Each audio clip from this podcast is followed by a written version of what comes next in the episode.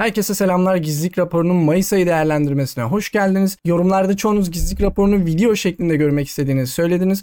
Ee, video şeklinde devam edeceğiz bir süre bakalım. İleride belki konuk alırsak e, canlı yayın şeklinde yapabiliriz ama bir süre video olarak devam edelim. Bence de biraz daha kısa oluyor ve e, tüketmesi de daha kolay oluyor belki sizin için. Benim için bir de düzenleme kısmı açılıyor ama problem değil. Sizin için e, tüketmesi daha kolay oluyor gizlilik raporunu. Yine bu ayda her zaman olduğu gibi veri ihlallerimiz olacak. Şirket haberlerine bakacağız.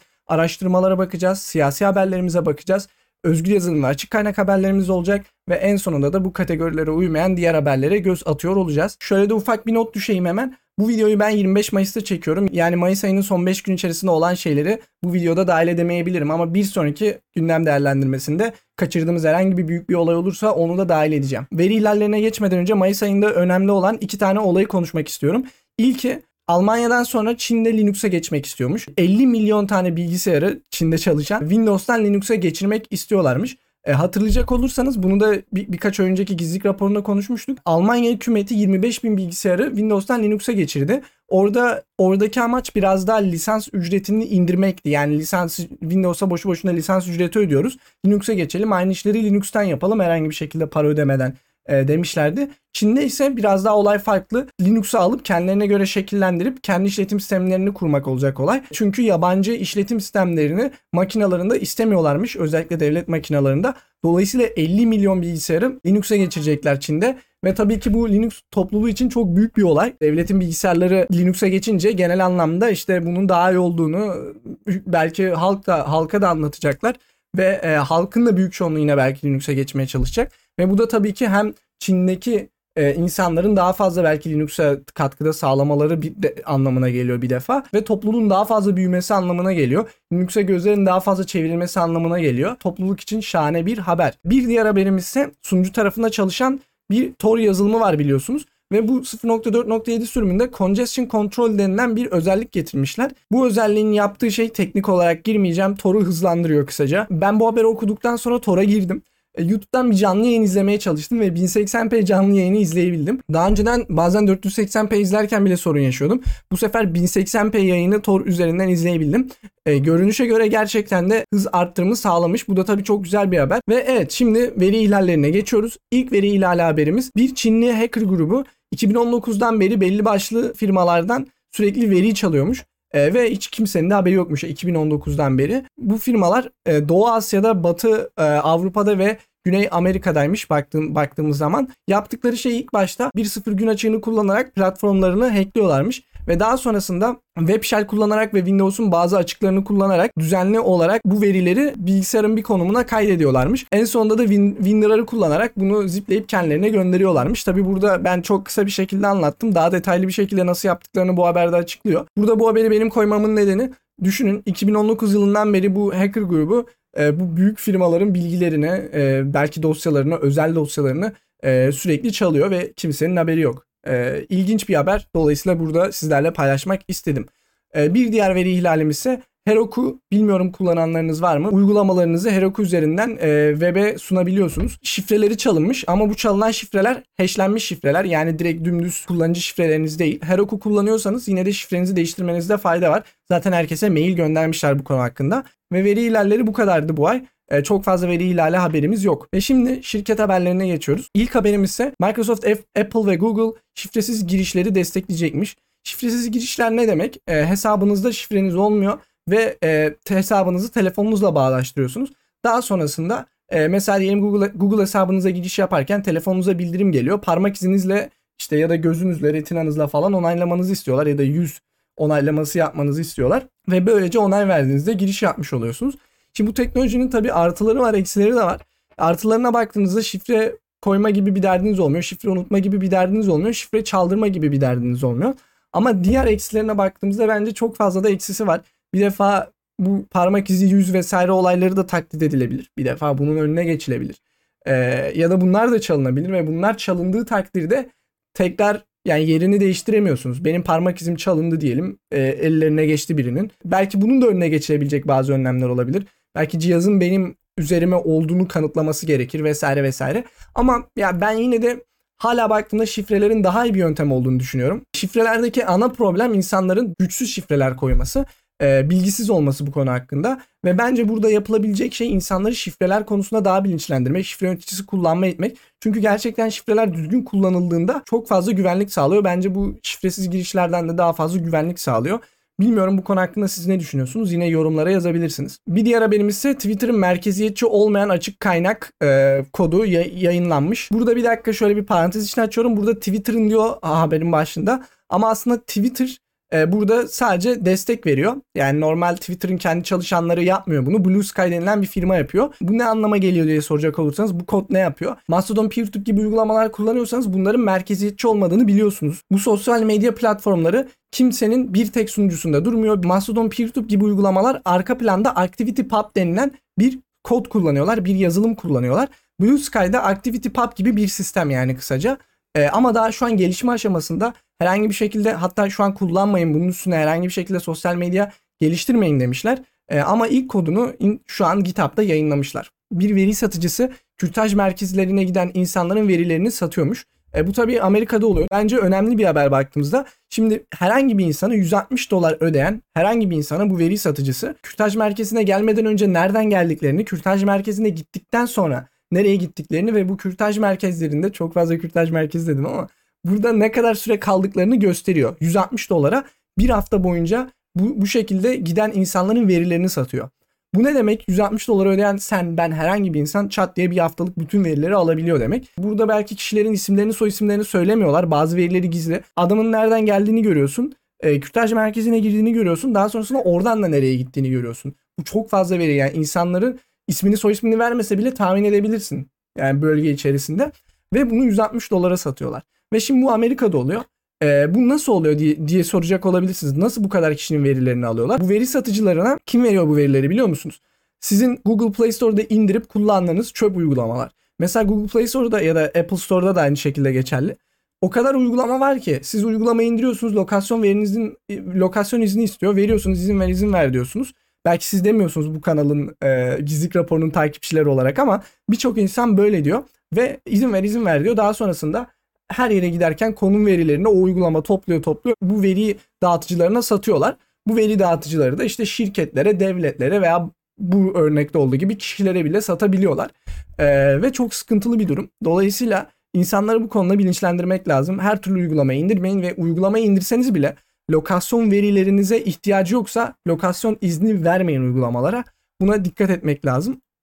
Ve e, bu haberden sonra bu veri dağıtıcısı e, kürtaj merkezlerindeki verileri satmamaya karar veriyor. Ama bu tabii keşfedilen, haberi yapılan bir örnek. Daha sonrasında satmaktan vazgeçilen bir örnek. Kim bilir kaç tane veri dağıtıcısı kaç veriyi bu şekilde satıyor. Ve beni bir korkutan şeylerden birisi de Türkiye'de böyle şeyler takip edilmiyor. Bunların haberlerini görmüyoruz ya. Acaba Türkiye'de hangi, Türkiye'deki verileri hangi insanlar bu şekilde veri dağıtıcılarından alıyor? Türkiye'deki konum verileri kimlere satılıyor? büyük soru işareti ama bu konudaki haberleri biz maalesef Türkiye'de görmüyoruz. Bir diğer haberimize geçiyoruz. Google e, Android çekirdeğinde aktif olarak patlatılan bir açığı kapatmış. Aynı zamanda gelen yamada birden fazla önemli güvenlik güncelleştirmesi var. E, burada Qualcomm için 15 tane yüksek seviyede belirlenen açığı kapatmışlar.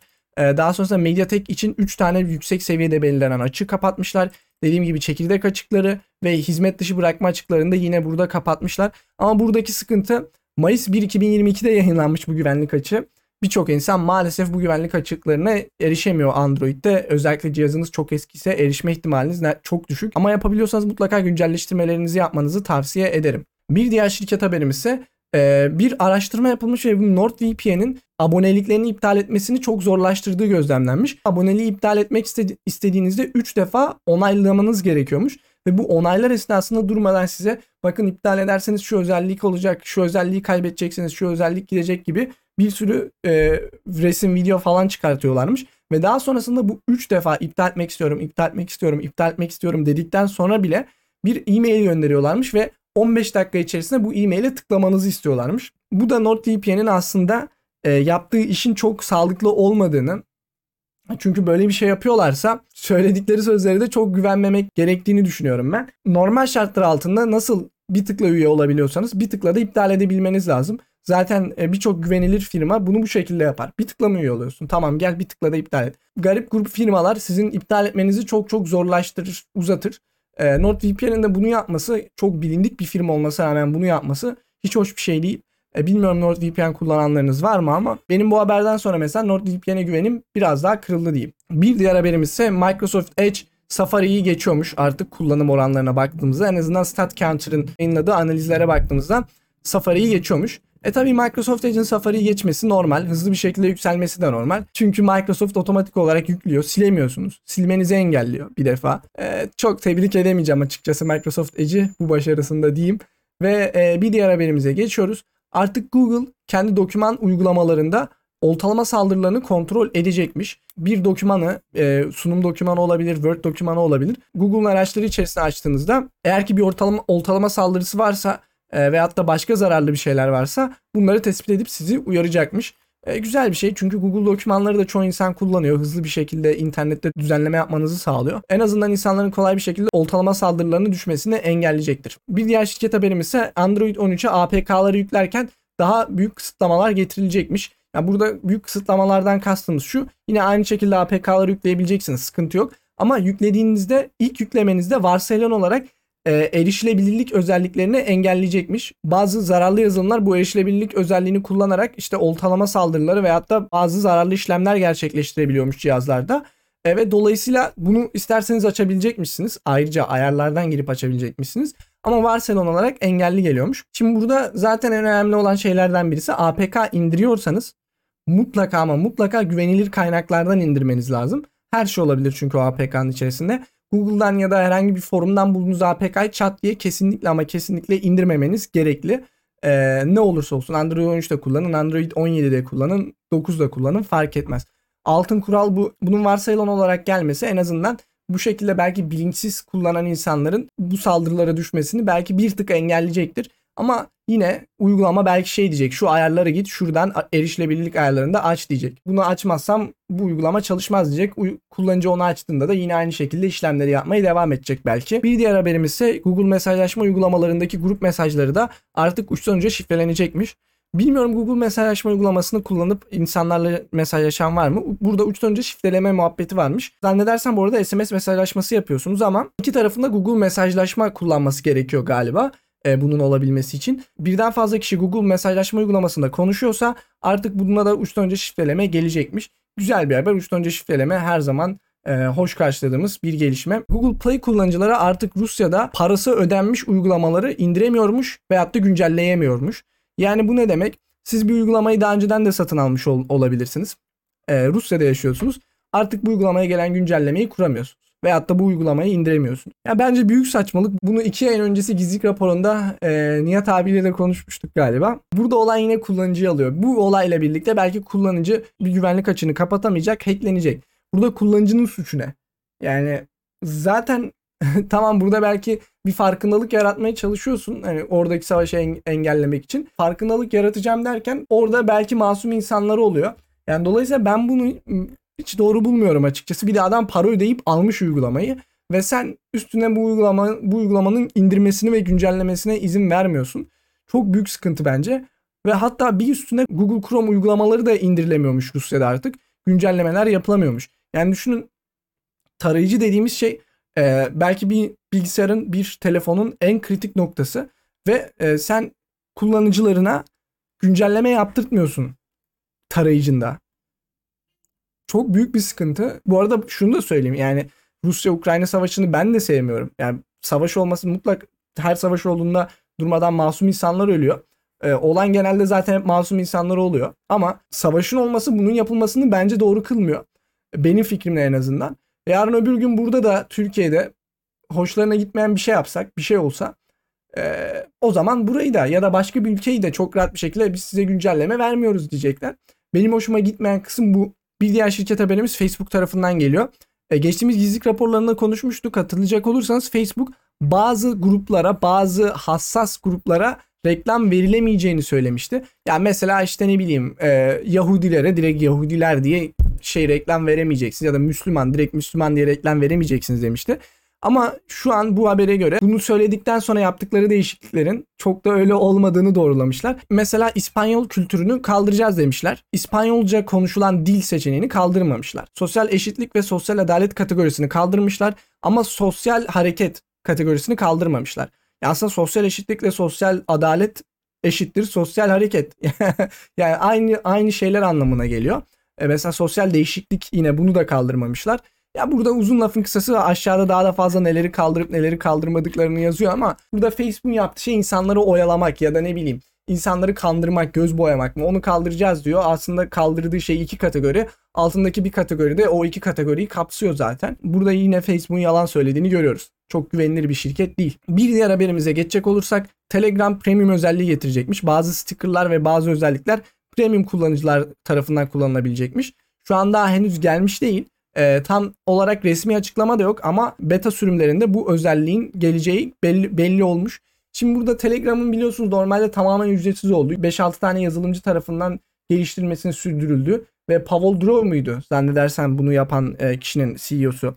E, bir adam var işte bayağı parası var bunun ve destekliyor arkadan ama yıllardır bunu yapıyor. Telegram güzel mesaj güzel bir mesajlaşma uygulaması baktığınızda hızlı falan filan ama hep kafamda bir soru işareti kalıyor. Abi tamamen ücretsiz ve bir kişi tarafından destekleniyor. Gelir kazanma modellemesine baktığınızda hiçbir şekilde para ödemiyorsunuz. Bir kişi hayrına bütün sunucuları, bütün her şeyi bu, şek bu şekilde açık tutuyor. Neden abi? Ya tamam belki gerçekten de hayrına yapmak istiyor olabilir ama arkada bir de bir kişi olunca yani bir CEO'su var bir kişi. Arkada bir de bir kişi olunca insanın yine çok güvenesi gelmiyordu. Böyle premium özellikleri getirmesi bence iyi oldu o açıdan baktığınızda. Çünkü en azından şimdi bir gelir modelleri var. Belki bilmiyorum hakikaten kaldıramadılar yükü daha fazla ve işte bizim yeni bir gelir modeli oluşturmamız lazım dediler. Ee, ve bu da belki bir açıdan şunu gösteriyor olabilir. Gerçekten kullanıcı verilerini satmadan e, böyle premium özellik getiriyor olabilirler. Bir açıklaması bu. Ama yine de ben e, Telegram'da varsayılan olarak uçtan önce şifreleme olmadığı için e, Telegram kullanmayı çok tavsiye etmiyorum. Tabii ki gerektiği sürece kullanabilirsiniz. E, ama uçtan önce şifreleme olmadığında Telegram'da bilin sadece gizli konuşmalarda uçtan şifreleme açılabiliyor. Bir diğer haberimiz ise Amerika'da Clearview AI'ın e, özel şirketlere hizmetini satması yasaklanmış. Bir gizlilik rapor öncesinde konuşmuştuk hatırlayacak olursanız Clearview AI e, şirketlere yazılımını satmak istiyordu özel şirketlere. Normalde polis güçlerine ve devletlere satıyordu yüz tanımlama e, özelliğini. Artık Amerika'da yasaklanmış bunu yapamayacakmış. Bence çok şahane bir gelişme. Umarım bu buraya da gelir. Umarım bütün Avrupa'ya da gelir. Bu aracı bir de şirketlere vermek çok büyük sıkıntı bence. Özel şirketlere kesinlikle yapılmaması gereken, izin verilmemesi gereken bir şey. Bir diğer haberimiz ise Microsoft'un Mayıs 2022 yaması yayınlandı. 3 tane sıfır gün açığını kapatıyor ve 75 tane diğer açıkları kapatıyor. Diğer açıklara bakacak olursak sıfır gün açıkları dışında 21 tane e, root yetkisi alma açığı var. 4 tane güvenlik özelliğini geçme açığını kapatıyorlar. 22 tane uzaktan kod çalıştırma açığını kapatıyorlar. 17 tane bilgiyi dışa vurma açığını kapatıyorlar. 6 tane e, hizmet dışı bırakma açığını kapatıyorlar. Mayıs yamasını yapmanızda fayda var. Hala yapmadıysanız mutlaka Mayıs yamasını da yapın. Araştırmacılar e, Bluetooth açığını kullanarak Tesla Model 3 ve Y'yi e, hackleyebileceklerini göstermişler. İçine girip e, Tesla'yı çalıştırabiliyorsunuz. Bu konsept aslında e, bu tarz arabaların nasıl hacklenebildiğini gösteriyor. Yine burada videosu var. İzlemek isteyenler bağlantıya tıklayıp bakabilirler. YouTube'da artık canlı yayınlarda insanlara üyelik hediye edebilecekmişiz. Şu an beta sürecinde bazı canlı yayıncılarda bunu görebilirsiniz ilerleyen günlerde. Canlı yayına girdiğinizde bana hediye edilmesine izin ver seçeneğine tıklamanız gerekiyor. Yoksa diğer türlü e, bu çekiliş kısmına siz katılmıyorsunuz. E, ve isteyen herhangi birisi e, direkt e, chat üzerinden 50 kişiye, 100 kişiye, 200 kişiye neyse e, üyelik hediye et diyebiliyor. Bu tabi canlı yayıncılar için ne güzel bir şey. Çünkü direkt size bağış yapmak isteyen birisi hediye şeklinde yaptığında diğer kullanıcılar da sizin sağladığınız üyelik özelliklerin neler olduğunu görüyorlar ve belki ilerleyen süreç içerisinde e, bu üyeliklerini devam ettirmek isteyebilirler. Bu böyle bir artı sağlıyor. YouTube'da yavaş yavaş Twitch ile kapışacak seviyeye gelmeye başlıyor. Sürekli yayınlarına yeni özellikler ekliyorlar. Twitter kriz anında yanlış bilgileri saklayacakmış. Nasıl olacakmış? Diyelim bir kriz anı var. İşte bir yerde yangın çıktı, patlama oldu mesela. O konu hakkında paylaşılan tweetleri bir defa algoritmaya sokmayacakmış. İkincisi herhangi bir şekilde bağlantı üzerinden falan tıkladıysanız ya da aratarak falan bulduysanız bu bilgi doğrulanmış değil. E, haberiniz olsun diye bir uyarı çıkacakmış. Daha sonrasında onun üstüne tıkladığınızda e, bilgiyi ya da paylaşılan e, içeriği görebilecekmişsiniz. Yani şey tabii ki her zaman sıkıntı. Senin yanlış bilgi diye işaretlediğin şey gerçekten yanlış bilgi mi? O bir sıkıntı. Ama en azından burada bilgiyi tamamen silmiyorlar. Hala bağlantı olarak paylaşılabiliyor ya da aratılarak bulunabiliyor. Ama algoritmaya sokmuyorlar ve tabii ki bu sadece kriz anlarında gerçekten büyük kriz anlarında yapılacakmış. En azından hala insanlar bilgiyi görebiliyor. Bilgi kalkmıyor. Sadece uyarı yapılıyor ve algoritmaya girmiyor. Ee, umarım güzel bir şekilde kullanılır diyeyim. Bir diğer haberimize geçiyoruz. Artık YouTube oynatıcısı en çok oynatılan kısmı direkt gösterecekmiş. Yani mesela bir video 15 dakika. Ee, insanlar en çok 12. dakikayla 15. dakikaya gidiyor. 12. ile 15. dakika arasını direkt görebilecekmişsiniz. Sponsor blokta da highlight özelliği var ya. Aslında onunla aynısı ama direkt bu sefer web oynatıcısının içerisinde görecekmişiz. Aynı zamanda YouTube mobil uygulamasında da gözükecek. Bunun bir artısı bazı YouTuber'lar gerçekten lafı çok uzatıyor ya da mesela alta e, zaman dilimi koymuyorlar. Ben bütün videolarıma videonun e, ilk çektiğim videodan itibaren zaman dilim zaman noktaları koymaya çalışıyorum ki işte insanlar istedikleri noktaları gidebilsin.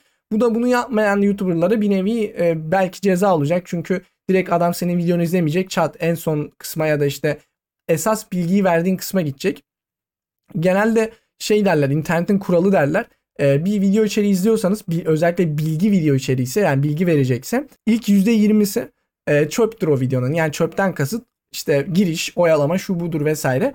Esas bilgi %20'den sonradan verilir derler. Bunun gerçekten de doğru olduğunu görebilirsiniz. Birçok bilgi videosunda ilk %20'lik kısım genelde işte hoş geldiniz bilmem ne fasafisi oluyor. Benim videolarımda da belki bir nevi doğru. Ee, o yüzden girişlerimi biraz daha değiştirmeye, e, daha verimli yapmaya çalışıyorum. Ama bazen de girişi yapmak gerekiyor. Çünkü girişte önemli bilgiler de olabiliyor. Diyelim bir şey tanıtacaksanız o girişteki bilgi olmazsa ortadaki bilgide eksiklikler olabilecek. Dolayısıyla bazen de giriş gerçekten gerekli oluyor. Yine de bence güzel bir değişiklik diyelim ve e, bir sonraki habere geçelim. Google Cloud içerisindeki paketler Google tarafından doğrulanacakmış. Yani Google Cloud'da Google Cloud'da bir sunucunuz varsa ve oradan paketler indiriyorsanız indirdiğiniz paketler Google tarafından doğrulanacakmış. Şu anda 500 tane paketi bu şekilde Google çalışanları aktif olarak doğruluyormuş. Bunun yapılmasının nedeni ise şu. E, biliyorsunuz bir yazılım kurduğunuzda içerisine diyelim 10 tane de bağımlılık gerekiyor. Yani bu yazılımın çalışması için 10 tane de bağımlılık paketinin kurulması gerekiyor. Buradaki sıkıntı 10 bağımlılık paketinin içerisindeki bir paket bozuk çıkarsa ya da ne bileyim içerisine kötü bir şey eklenirse bu sefer sisteminizi bozmuş oluyor ya da zararlı zararlı işlemler gerçekleşebiliyor sisteminizde ve buna supply chain attack deniyor. Google'da bunun önüne geçmek için böyle bir adım e, gerçekleştiriyormuş. Güzel bir şey ama bunu ne kadar yapabilirler, nereye kadar yapabilirler? E, soru işareti ama yine de bu yönde güzel bir adım diyelim. Şirket haberlerimiz bu kadar. Şimdi araştırma haberlerine geçiyoruz. İlk araştırmamız insanların retinasından telefonu hangi pozisyonda tuttuklarını ve hangi parmaklarının e, telefonun üzerinde olduğunu gö- görebiliyorlarmış. Araştırma bunu gösteriyor. Burada videosu da var bakabilirsiniz. E, ama resme baktığımızda olayı özetliyor zaten. Uygulamayı yan çevirip kullandığınızda uygulamanın ön kamerasından retinaya odaklanıyor ve mesela yan çevirdiğinizi anlıyor ya da parmağınızın olup orada olup olmadığını anlıyor. Videoyu çok kısaca bakacak olursak mesela iki parmağını tuttuğunu görüyorsunuz. İki parmağını tutuyor diyor. Veyahut da mesela bir elini çektiğinde sol e, parmağı burada diyor. İşte bunu retinadan okuyup yapabiliyor ve bu da ilginç bir araştırma çünkü insanların retinasında retinasından bu bilgiyi alabiliyorsunuz. Belki ilerleyen ve ön kameradan bahsediyoruz bu. İlerleyen zamanlarda belki başka birçok bilgi de alınabilir. Ee, takip edilmesi gereken ilginç bir araştırma olduğunu düşünüyorum. Bir diğer araştırmamız ise Mozilla'nın yaptığı bir araştırma ve e, bu araştırmaya göre depresyona giren insanların kullandığı işte belli chat uygulamaları, intihar etmeye e, şöyle böyle uygulamalar, dua et gibi uygulamalar. Daha çok bu arada zannedersen bu e, İngilizce için var ama bu uygulamaların hiç mahremiyetinize önem vermediği keşfedilmiş. Bildiğiniz bütün chat mesajlarının bile üçüncü partilerle paylaşıldığı, e, sizin bilgilerinizin tamamen üçüncü partilerle paylaşıldığı gözlemlenmiş. E, ve bu uygulamalara ulaşmaya çalışmış Mozilla. Sadece birkaç tanesi yanıt vermiş, diğerleri yanıt vermemiş. E, yani kısacası böyle uygulamalar kullanıyorsanız dikkat edin diyeyim. Ama zannedersem Türkçe'de böyle uygulamalar pek fazla yok. UlipC denilen bir kütüphane varmış. Bu kütüphane neredeyse bütün router'lar e, tarafından kullanılıyormuş ve 200 dağıtıcının router'ı bu açık tarafından tehlikede. E, ne yapıyor bu açık? Sizin router'ınıza DNS zehirlemesi saldırısı yapmasını sağlıyor.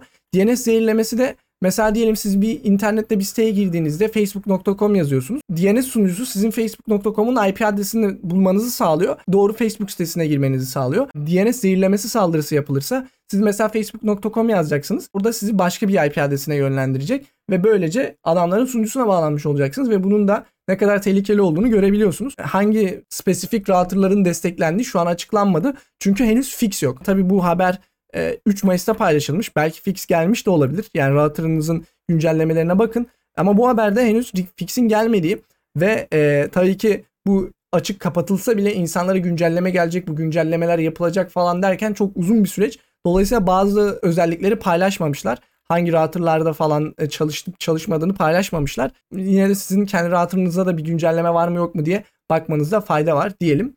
Ee, ve bir sonraki araştırmamıza geçelim. Çok ilginç bir araştırma. Siteye giriyorsunuz işte e-mail adresi yazıyorsunuz isim soy isim ya da belli bir açıklama yazıyorsunuz. Orada bir açıklama yazmanız için gereken bir kutucuk var. Ve o kutucuğun en altında da gönder tuşu var. Henüz gönder tuşuna basmadığınızda yazdığınız şeylerin sunucuya gönderilmediğini varsayıyorsunuz. Ama bu araştırmaya göre siz gönder tuşuna basmasanız bile yazdığınız şeyler aslında sunucuya gönderiliyor. Siz aktif olarak yazarken sunucuya gönderilmeye devam ediyor. Bu benim hep aklımda vardı biliyor musunuz? Yani bir şeyler dolduruyorum. Aklıma gidiyor lan ben bu gönder tuşuna basmıyorum ama e, bence gönderiyorlardır ya da böyle bir şey vardır. En azından yapan vardır diye düşünüyordum. Ve dolayısıyla mesela e, bir şey yazacaksam tam olarak aklımda şekillenmediyse oraya yazmıyordum. İşte e, bir text dosyasını yazıp sonra kopyala yapıştır yapıyordum. Gerçekten de varmış böyle bir şey. Hatta bu araştırmayı yapan bir Türk, araştırmayı bir Türk üniversitesinde yapmıyor. Zannedersem ABD'deki bir üniversitede yapıyordu. Evet ismi de e, Güneş Acar. Türk birisinin yaptığı bir araştırma. Mahremiyet ve güvenlik konuları hakkında birçok araştırması var yine. Siz de göz atabilirsiniz merak ettiyseniz. E, böyle bir araştırma. Yani buradan ne çıkarıyoruz? gönder tuşuna basmasanız da yazdığınız şeyler gidiyor. Ona göre dikkatli olun diyelim. Bu araştırmaya göre iPhone'unuz kapalı olsa bile iPhone'unuza zararlı yazılım saldırıları yapabilin yapabiliniyormuş. Çünkü iPhone'unuz kapalı olduğunda hala Bluetooth, NFC gibi özellikler açık kalıyormuş. İşte iPhone'umun bu özelliği falan var ya bunlar için gerekliymiş. Yani sürekli siz aslında sizin e, iPhone'unuz kapalı olsa bile oradaki arka planda hala çalışan bazı donanımlar var ve araştırmacılar iPhone'unuz kapalıyken bile saldırı yapıp zararlı yazılım yerleştirmeye başarmışlar. Aslında telefonunuz kapansa bile siz telefonunuz kapalı sizi dinleyemez bir şey yapamaz zannediyorsunuz ama kapalı olsa bile arka planda hala bazı donanımlar çalışmaya devam edebiliyor. Haberiniz olsun diyelim. Ve son araştırmamızsa MIT ve Harvard'da çalışan bilim adamları çok ilginç bir şey bulmuş. Yapay zeka insanların röntgenlerine bakarak hangi ırktan olduğunu tespit edebiliyormuş. Ama araştırmacılar bunu nasıl yaptıkları konusunda hiçbir fikri yokmuş. Yani normal şartlar altında bir doktorun sadece işte göğüs röntgenine bakarak bu insan işte siyahidir, bu insan beyazdır, bu insan işte İspanyoldur falan demesi çok güç bir şey. Ee, ve bunu yapay zeka %90 doğruluk oranında yapabiliyormuş. Ee, işin dediğim gibi komik yanı da nasıl yaptığını bilmiyormuş. Yani oradaki görüntüden neye bakarak bu veriyi alıyor, bunu yapabiliyor. Bu konu hakkında fikirleri yokmuş. Bu da aslında yapay zekanın hakikaten korkutucu seviyeleri gelebileceğini de gösteren bir özellik. Çok ilginç bir e, araştırma sizlerle de paylaşmak istedim. Evet araştırmalarımız bu kadardı. Şimdi siyasi haberleri geçeceğiz. Amerika'da CDC denilen bir kurum var. Hastalık Kontrol Kurumu deniliyor galiba Türkçe'de. Amerikalıları Covid kapanma sırasında izlemişler. Hangi bölgeye gittiler, nereden nereye gittiler, yasaklara uydular mı vesaire diye. E, ve tabii bunu da veri satıcılarından az önce bahsettiğim, önceki haberlerde bahsettiğim şekilde verileri alarak yapmışlar. Yani düşünün bunu e, devletler bile yapıyor bu şekilde kendi vatandaşlarını veri e, satıcılarına gidip parayla satın alıp takip edebiliyorlar. Bir diğer siyasi haberimiz yine az önceki e, habere benzer. Kanada hükümeti de yine aynı şekilde insanların e, Covid döneminde içki satıcılarına ve eczanelere ne kadar gittiklerini gözlemlemişler telefondan.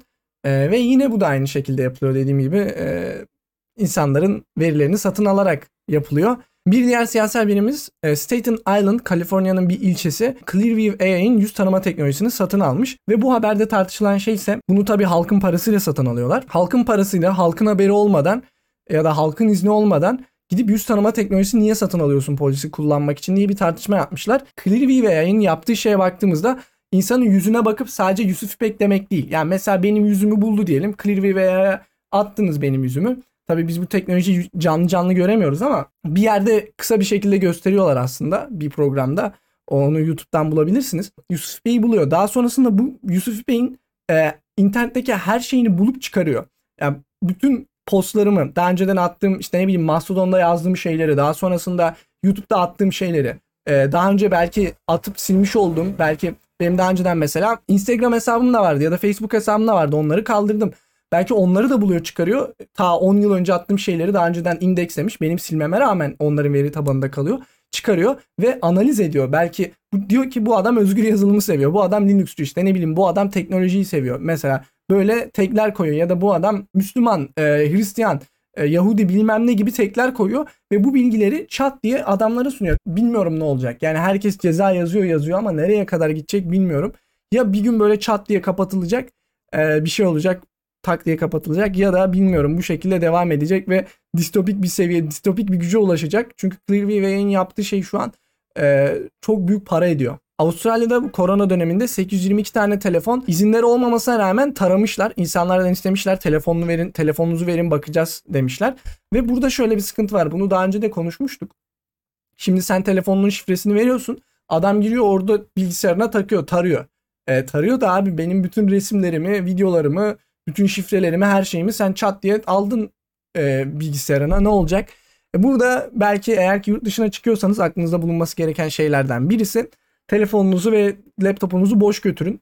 Daha sonrasında bir scriptle e, bilgisayarınıza işte bir drive'ınıza falan bir şey atın. Hesabınıza giriş yapıp bir scriptle geri yüklemesini sağlayın bu içeriklerin. Çünkü diğer türlü şimdi burada diyor ki izni olmadan e, istemiş 822 tane seyahat eden insanın. Adam tamam izni yok ama vermiyorum dese o, bu sefer de kıllık çıkartıp burada yazıyor bunu. Kıllık çıkartıp şey diyebilir. Ben bu adamdan şüphelendim diyebilir. Bu adamdan şüphelendim dediğinde izni oluyor gerçekten. Alıyor telefonunu bu sefer de 14 gün boyunca telefonunu ya da laptopunu vermiyor.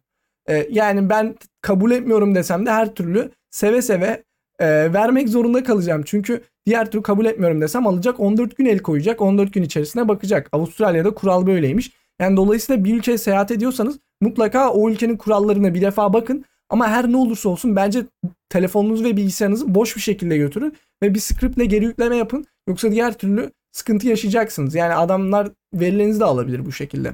Ve hiçbir şey de diyemezsiniz. Akılda kalması gereken bir şey. Ve bir diğer siyasi haberimiz ise Hindistan e, VPN firmalarının log tutmasını istiyor. E, yani Hindistan'da bir sunucunuz varsa VPN firması olarak buradaki insanların ne yaptıklarını işte yani hangi sitelere girdikleri vesaire ayrı hikaye. Bir de bu kullanıcılar kim? Özellikle e, log tutmalarını istiyorlar ve yapmıyorsanız gideceksiniz demişler.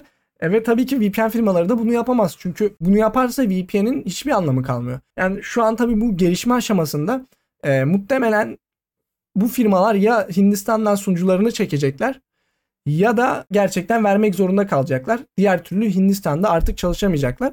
Buradaki ama ana sıkıntılardan birisi Hindistan büyük bir market ve insanlar orada orada da çok fazla insan var. Teknolojiyle ilgilenen çok fazla insan var ve VPN firmaları bu marketi kaçırmak istemeyecektir. İlerleyen aylarda ne olacağını görürüz. Ama siz de bir kullanıcı olarak şu an yani zaten Türkiye'de yaşıyorsunuz muhtemelen.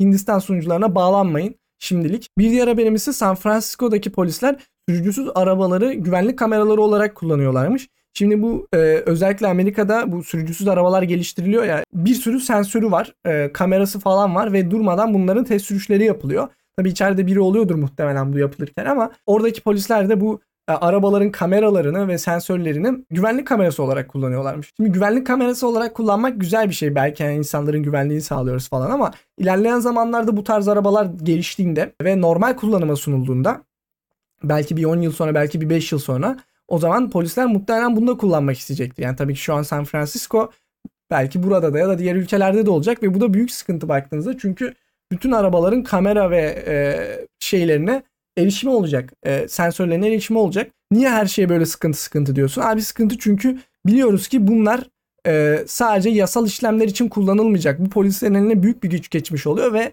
geçmişte de birçok ülkede Amerika başta olmak üzere polislerin bu güçleri nasıl kullandığını biliyorsunuz. Yarara kullanmıyorlar halkın zararına kullanıyorlar. İstedikleri gibi kullanabiliyorlar. Dolayısıyla sıkıntı. Bu da böyle bir haber. Yavaş yavaş distopik bir dünyaya doğru gidiyoruz her gizlilik raporunda diyelim. Bir diğer siyasi haberimiz ise Rusya taksi uygulamalarına bir zorunluluk getiriyor. Diyor ki artık bütün verilerinizi anlık olarak bizlerle paylaşmak zorundasınız diyor. Normalde bundan öncesinde Zannedersem 30 gün içerisinde yanıt vermeleri gerekiyormuş. Şu an anlık olarak paylaşmalarını istiyorlar. Yani bir şey mi var? Hemen anında vermek zorundasın. Vermezsen büyük sıkıntıdasın. Ve bir diğer haberim ise Avrupa Birliği uçtan önce çiftelemeyi kaldırmak istiyor. Normalde biliyorsunuz Avrupa Birliği'nin işte mahremiyete getirdiği yararlar işte özellikle bu çerez konusunda falan her gizlilik raporunda özellikle konuşuyoruz. AB'nin güzel adımları var. Ama belki AB'nin en kötü adımı bu e, uçtan uca şifrelemeyi kaldırmak istiyorlar. Nedeni ise işte çocuk istismarını önlemek.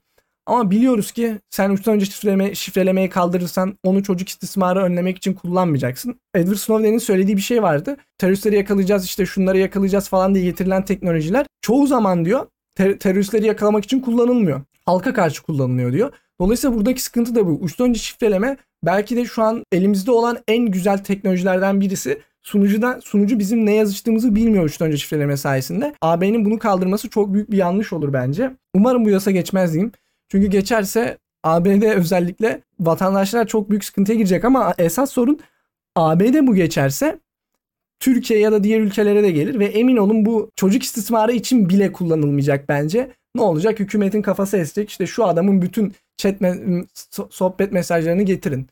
Terör teröristle ilgisi olabilir diyecek. Halbuki adamın alakası yok. Hükümetin sevmediği biri belki. Chat bütün mesajlaşmalarını getirecekler mesela. Son siyasi haberimiz ise İspanya Google'a unutulma hakkını ihlal ettiği için bir ceza kesiyor. Ee, bu cezada 10 milyon avro yine. ABD unutulma hakkı denilen bir şey var. Yani ben istersen bütün verilerimi bir sunucudan silebilmeliyim. Google'a benim bütün verilerimi sil dediğinde silmek zorunda. Ama burada şöyle bir sıkıntı bulmuşlar. Google bir tane araştırma firmasıyla e, bu verileri paylaşıyormuş ve kullanıcı benim buradaki verilerimi sil dediğinde o araştırma merkezinden silinmiyormuş. Dolayısıyla burada unutulma hakkını ihlal ediyormuş ve 10, 10 milyon avro ceza kesmiş. Mesela burada AB'nin güzel bir attığı bir adımı görüyoruz. Tabii kendilerine para da çıkarıyorlar buradan. Özellikle takip ediyorlar herhalde.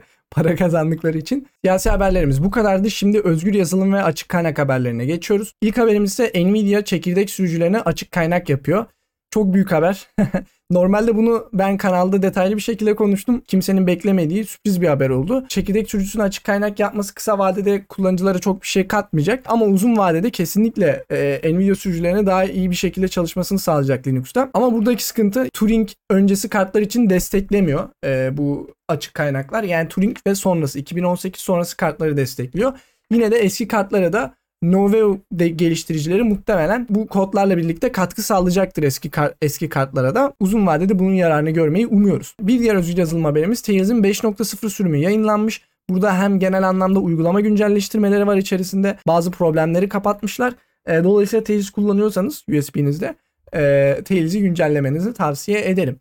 Bir diğer haberimiz ise Nextcloud. Nextcloud'un 24. versiyonu yayınlanmış. Hem ülkeler tarafından hem şirketler tarafından kullanılan kendi bilgisayarınızda barındırdığınız bir bulut hizmeti ve burada da yine 24. sürümünde de e, database'de özellikle 4 kat hızlanma söz konusuymuş ve tabii ki kendi uygulamalar içerisinde de güncelleme mevcut. Nextcloud kullanıyorsanız kendi sunucunuzda e, yine güncellemenizi tavsiye ederim. Ve Fedora'nın 36. sürümü yayınlandı. Fedora 36'da GNOME 42 geliyor. Tabii ki GNOME 42 ile birlikte gelen bütün güncelleştirmeler de geliyor. Fedora 36'da Nvidia kartlarında da varsayılan olarak Wayland geliyor. YNF belli başlı özellik güncelleştirmeleri geliyor. Onun dışında çok büyük bir güncelleştirme söz konusu değil. Yine GNOME'la gelen yeni özellikler var. Onlara da yine bağlantıdan girip bakabilirsiniz. Bir diğer haberimiz ise Google Chrome'un DuckDuckGo eklentisi Topics ve Flage'i engelleyecekmiş. Topics'i daha önceden bu kanalda çok fazla konuştuk.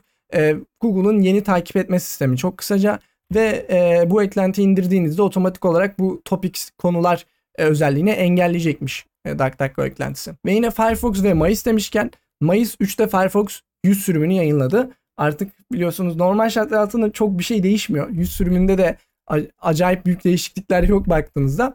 Ama e, işte insanların kafasında hep 90 1 2 3 4 5 6 7 8 9 10 büyük bir sürüm gibi oluyor ya da 20 50 100 e, büyük sürümler gibi gözüküyor kafamızda en azından. Ve evet Firefox 100 sürümüne ulaşmış. Tebrikler. Umarım 200-500 bin de olur ve daha güzel güncellemelerle daha güzel bir Firefox kullanmaya devam edebiliriz. Fair Email geliştiricisi uygulamasını Google Play'den kaldırmış ve e, tamamen gelişimi durdurmuş. Burada çok ilginç bir şey var. Fair Email çok popüler bir uygulamaymış galiba Google Play Store'da. Bir gün geliştiricisi Google'dan mesaj almış sizin uygulamanız zararlı yazılım içeriyor diye. Bu da yani otomatik mesaj ve e, bazı favikonlar buna yol açabiliyormuş bir nedenden dolayı. Bu adam da gitmiş favikonları silmiş tekrar yayınlamış. E tekrar Google'dan aynı mesajı almış. Ve Google'a mesaj atınca da yine aynı şekilde Google'dan mesajı alıyormuşsunuz. Adam da sinirlenmiş demiş ki abi ben o zaman yapmıyorum bu uygulamayı demiş. Uygulamayı kaldırmış Google Play Store'dan ve GitHub sayfasında arşiv modunu almış. Uygulamanın gelişimine devam edip kitaptan da yayınlamaya devam edebilirdi uygulamaları APK olarak. Ama bu sefer de şu şekilde düşünmüş. Kullanıcıların %99'u gelmeyecek. E, dolayısıyla ben bununla uğraşamam abi demiş. Kapatmış yani uygulamayı. Ve bu, tabi, bu da tabii üzücü bir şey baktığınızda bir özgür yazılımın bu şekilde kapanması gitmesi üzücü bir şey. Ama ya bize şu an bu şekilde düşününce belki saçma geliyor ama adam o kadar uğraşmıştır belki işte bu uyarıyı atmak için. E, favikonları kaldırıyorsun, gerekli değişiklikleri yapıyorsun. Bir türlü kabul etmiyorlar. Mesaj atıyorsun, aynı mesajı sana geri atıyorlar. E, böyle bir durumda ne yapacaksın? Yani del- delirmekten başka bir şansın yok. Benim bir defa YouTube'la ilgili bir problemim oldu şifre değiştirme konusunda. Kimseye ulaşamıyorsun abi Google'dan. Kimseye ulaşamıyorsun. Öyle bir şansın yok. Durmadan sporta girdiğinde otomatik mesaj atıp duruyorlar ya. Canlı bir varmış gibi gösteriyor karşısına. Otomatik mesaj atıp duruyor. Konuşmuyor ki benimle. Otomatik mesaj atıyor, otomatik mesaj atıyor. E, deliriyorsun bir yerden sonra. Ne yapayım abi? Kime ulaşacağım bu sorunumu çözmek için? Diyorsun. Tahmin edebiliyorum. Yaşadığı acıyı, yaşadığı tecrübeyi gerçekten tahmin edebiliyorum. Ee, ve tabii ki kullanıcılar için üzücü bir haber diyelim. Ve e, bir sonraki habere geçelim. HP bir laptopunda varsayılan olarak Pop OS yüklü getirecekmiş. Tabii çok güzel bir haber. HP gibi bir firmanın varsayılan olarak Pop OS'i kullanıyor olması şahane bir haber. Bu haberde de şöyle bir şey tartışıyorlar. HP System 76'yı satın almak istiyor olabilir mi? Pop OS'in geliştiricileri biliyorsunuz System 76 ve e, bunlar sadece Pop OS'i geliştirmiyor. Aynı zamanda donanım da geliştiriyorlar. Laptop vesaire de yapıyorlar, alıyorlar, satıyorlar. Ve burada da şunu tartışıyorlar. Acaba HP System 76'nın yaptığı işleri seviyor ve onu satın almak istiyor olabilir mi? Satın alırlarsa ne olur bilmiyorum. Yani satın almaları iyi mi olur kötü mü olur o konuda emin değilim. HP'nin bir Linux işletim sistemiyle gelmesi şahane bir haber diyelim. Çünkü insanlar varsayılan olarak ne alırsa onu kullanmaya devam ediyor. Ve bu da Linux'un yaygınlaşmasını sağlayacak bir şey. Google'dan arındırılmış bir telefon kullanıyorsanız mesela Graphene OS, Calyx OS ya da Lineage OS gibi bazı uygulamalar çalışmıyor biliyorsunuz. Bu uygulamaları indirdiğinizde çalışıp çalışmadığını elle test etmeniz gerekiyor. Bunun için bir uygulama yazılmış. Burada e, veri tabanına göre bir uygulamanın işte çalışıp çalışmadığını direkt indirmeden görebiliyormuşsunuz. Bu da güzel bir şey. Beklentinizin ne olacağını da biliyorsunuz. Mesela uygulamaya girdiniz diyor ki bu uygulamada işte A çalışmıyor diyor. Bildirimler çalışmıyor diyor. Ve şeyi anlayabiliyorsunuz. Ha tamam ben bu uygulamayı indirirsem bildirimler çalışmayacak benim telefonumda diyorsunuz. Google'dan arındırılmış bir telefonunuz varsa bu uygulamaya bakabilirsiniz. Uygulamanın adı da Plexus bu arada ve F-Droid'de mevcut. Bir diğer özgür yazılım haberimiz Microsoft tarafından geliyor. İlginç bir haber. 3D Movie Maker denilen bir programı varmış bir yazılımı. 1995 yılında yayınladı. Ee, ve bunun tabi gelişimi durdurulmuş daha fazla uğraşılmamış. Belki kullananlarınız vardır 1995 yılında bunu. Ve bunu açık kaynak yapıyorlar. Ya eğlencesine yapıyorlar. İşte insanlar girsin baksın ne oluyor falan diye. Ve hatta o kadar uzun sürede geliştirilmiyor ki şu anki modern sistemlerde bunu derleyemezsiniz muhtemelen demişler. E, ama şu an açık kaynak kitapta yayınlamışlar ve insanlar alıp işte derleyip böyle bir şeyler bakabiliyor. Ama 1995 yazılımı yani. Yine de ilginç bir adım. Ve bunun üstüne bir diğer haberimiz Open 3 boyut vakfına e, The Open 3D Foundation diye geçiyor. E, Microsoft katılıyor ve Premier üye olarak katılıyor. Herkese açık özgür bir 3 boyutlu motor geliştiriyorlar. Her isteyen herkes indirip bu motoru kullanabiliyor. Ve e, bunun arkasında birçok destekçi var büyük firma olarak. E, ve bunlardan birisi de şu an Microsoft oldu. Premier üye olmak için kaç para ödemeleri gerekiyormuş? Burada yazıyordu galiba ama yüksek miktarlarda para ödemeniz gerekiyor. Şunu soruyor olabilirsiniz. Neden böyle bir projeye sponsor oluyorlar? Neden Linux'a sponsor oluyorlarsa yüksek seviyede buna da ondan dolayı. Çünkü hem kendileri kullanıyor birincisi, birincisi.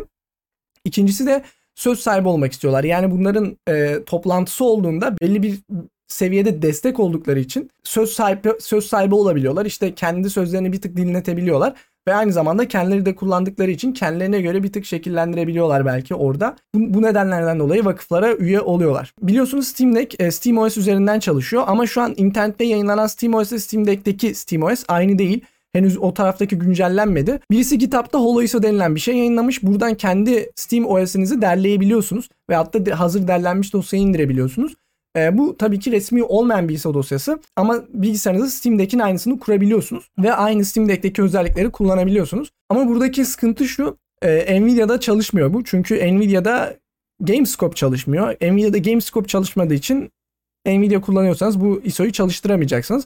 Ama AMD kullanıcıları bilgisayarının bir köşesine bunu kurup tık, tıpkı Steam Deck'teki gibi bir e, deneyim elde edebilirler. E, tabii yine ileride Steam Deck muhtemelen resmi ISO'sunu da sitelerinde yayınlayacaktır. Bir diğer haberimiz ise Unity 6 yıl sonra ilk güncellemesini aldığı 7.6 sürümü test için yayınlanmış. Biliyorsunuz Unity normalde Canonical geliştiriyordu. Yani Ubuntu'nun yapımcıları geliştiriyordu.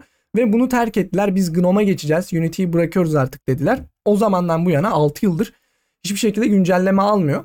Ve zannedersem 15 yaşındaki bir çocuk kodu alıyor, değiştiriyor, güncelliyor ve daha modern bir şekilde görünmesini sağlıyor Unity'nin. Resimlerden de görüyorsunuzdur nasıl gözüktüğünü. Aslında gayet güzel gözüküyor böyle insanın deneyesi geliyor. Çünkü ben de Unity kullanmayalı çok uzun süre oluyor. Şu an test aşamasında muhtemelen birçok e, hatası falan vardır. Belki bundan birkaç ay sonra daha kullanılabilir bir seviyeye gelir. O zaman Hep beraber belki kanalda da videosunu çekerim göz atarız. Ya da belki canlı yayında yaparız. Bir diğer haberim ise KD Connect artık resmi olarak iPhone içinde varmış. Apple'ın App Store'undan KD Connect'i indirebiliyorsunuz artık. Tabi e, KD Connect'in bütün özelliklerini Android'de olan bütün özelliklerini iPhone'da yapamıyorsunuz. Çünkü belli başlı kısıtlamaları var. Hatta zaten bunu Apple Store'a koyana kadar da çok uğraştılar. Ama ne var? En önemli özellikler var bence. Panoyu paylaşabiliyorsunuz. Yani kopyala yapıştır yaptığınız metinleri paylaşabiliyorsunuz. Linux makinenizde KD Connect içerisinde. Daha sonrasında e, URL'leri ve dosyaları yine paylaşabiliyorsunuz e, bilgisayarınız ve telefonunuz arasında. Telefonunuzu mouse gibi kullanabiliyorsunuz e, bilgisayarınız için. Aynı zamanda sunumlarınızı telefonunuzdan kontrol edebiliyorsunuz ve son olarak da telefonunuzdan bilgisayardaki komutları çalıştırabiliyorsunuz. Güzel iPhone kullanıyorsanız ve Linux'ta kullanıyorsanız muhtemelen sizin için sevindirici bir haber. Ee, hemen KD Connect'i indirip kullanabilirsiniz. Bir diğer haberimiz ise Xbox Cloud Gaming'e Fortnite eklenmiş ve ücretsiz bir şekilde oynanabiliyormuş. Bu da şu demek oluyor. Steam Deck'te Fortnite'ı ücretsiz bir şekilde oynayabiliyorsunuz. Ee, ben denedim bu arada çalışıyor. Yani Steam Deck'im yok ama kendi bilgisayarımda Xbox Cloud Gaming'den Fortnite oynamayı denedim. Açılıyor. Ama buradaki sıkıntı şu. Türkiye IPC ile açamıyorsunuz. Bir VPN açıp Amerikan IPC, IPC ile bağlanmanız gerekiyor. Yoksa Xbox Cloud Gaming'e erişemiyorsunuz.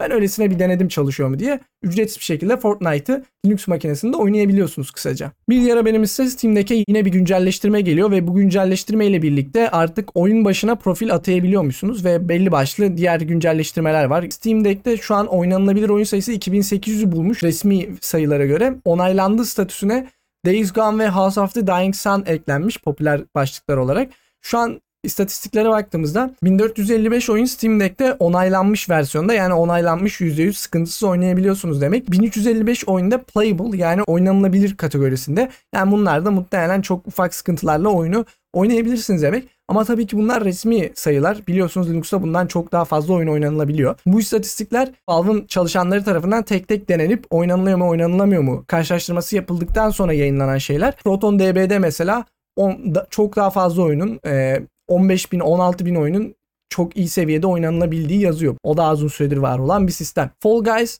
e, Epic Exclusive oluyormuş. Yani artık Steam'de Fall Guys oynanılamayacak. Çok kısa bir süre önce Fall Guys'a da bir güncelleme gelmişti. Steam'de oynanılabiliyordu. Ama artık Epic satın aldı. Dolayısıyla oynanılamayacak. Steam'den gidiyor. Güle güle Fall Guys. Burada da ben yeni bir şey gördüm bu haber içerisinde. Stumble Guys denilen bir şey varmış. Aynı Fall Guys gibi ama ücretsiz versiyonu. Ee, ben daha önce hiç Fall Guys oynamamıştım. Çünkü ya, satın almak istiyordum. Hep böyle eğlenceli gözüküyordu ama Linux'ta oynanılamadığı için almıyordum.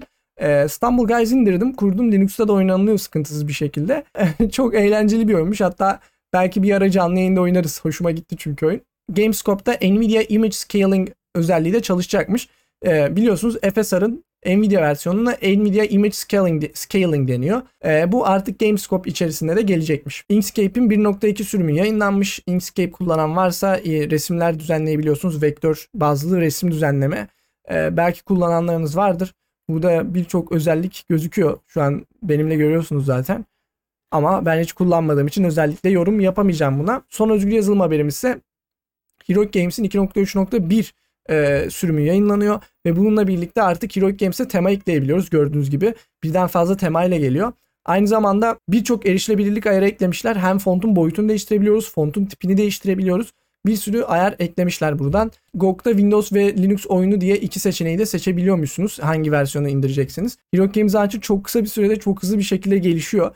Bakalım bundan sonraki yamaları da dört gözle bekliyorum. Her yamada böyle çok ilginç özellikler getiriyorlar. Özgür yazılım haberlerini bitirdik. Şimdi de son iki haberimiz. E, bu diğer yukarıdaki kategorilere uymayan haberler. Bunlara da çok hızlı bir şekilde bakalım. HP bilgisayarlarda keşfedilen bir güvenlik açığı 200 tane modelde çekirdek seviyesinde erişim vermesini sağlıyormuş saldırgana. Alınabilecek tabii ki en üst seviye erişim. Bunun içinde fixler yayınlanmış. Güncelleme var mı yok mu diye bakın. HP kullanıyorsanız buna benzer bir haber Lenovo için gelmişti. Geçtiğimiz gizlilik raporunda. Yine HP kullanıyorsanız güncelleme var mı BIOS'unuzda bakmanızı tavsiye ederim. Bir yazılım açığı bulma yarışması düzenlenmiş e, Vancouver'da zannedersem. Burada uygulamalarda açık bulmaya çalışıyorlar herkesin gözünün önünde. Bu uygulamalar arasında tabii ki şirketin katılması gerekiyor. Çünkü para ödeyecek eğer ki açık bulunursa. Firefox var, Microsoft var ve Ubuntu var zannedersem. 3 firmadan da bayağı açık buluyorlar buradaki bulan kişiler ve 170 bin dolar, 150 bin dolar, 150 bin dolar gördüğünüz gibi bayağı büyük ödüller.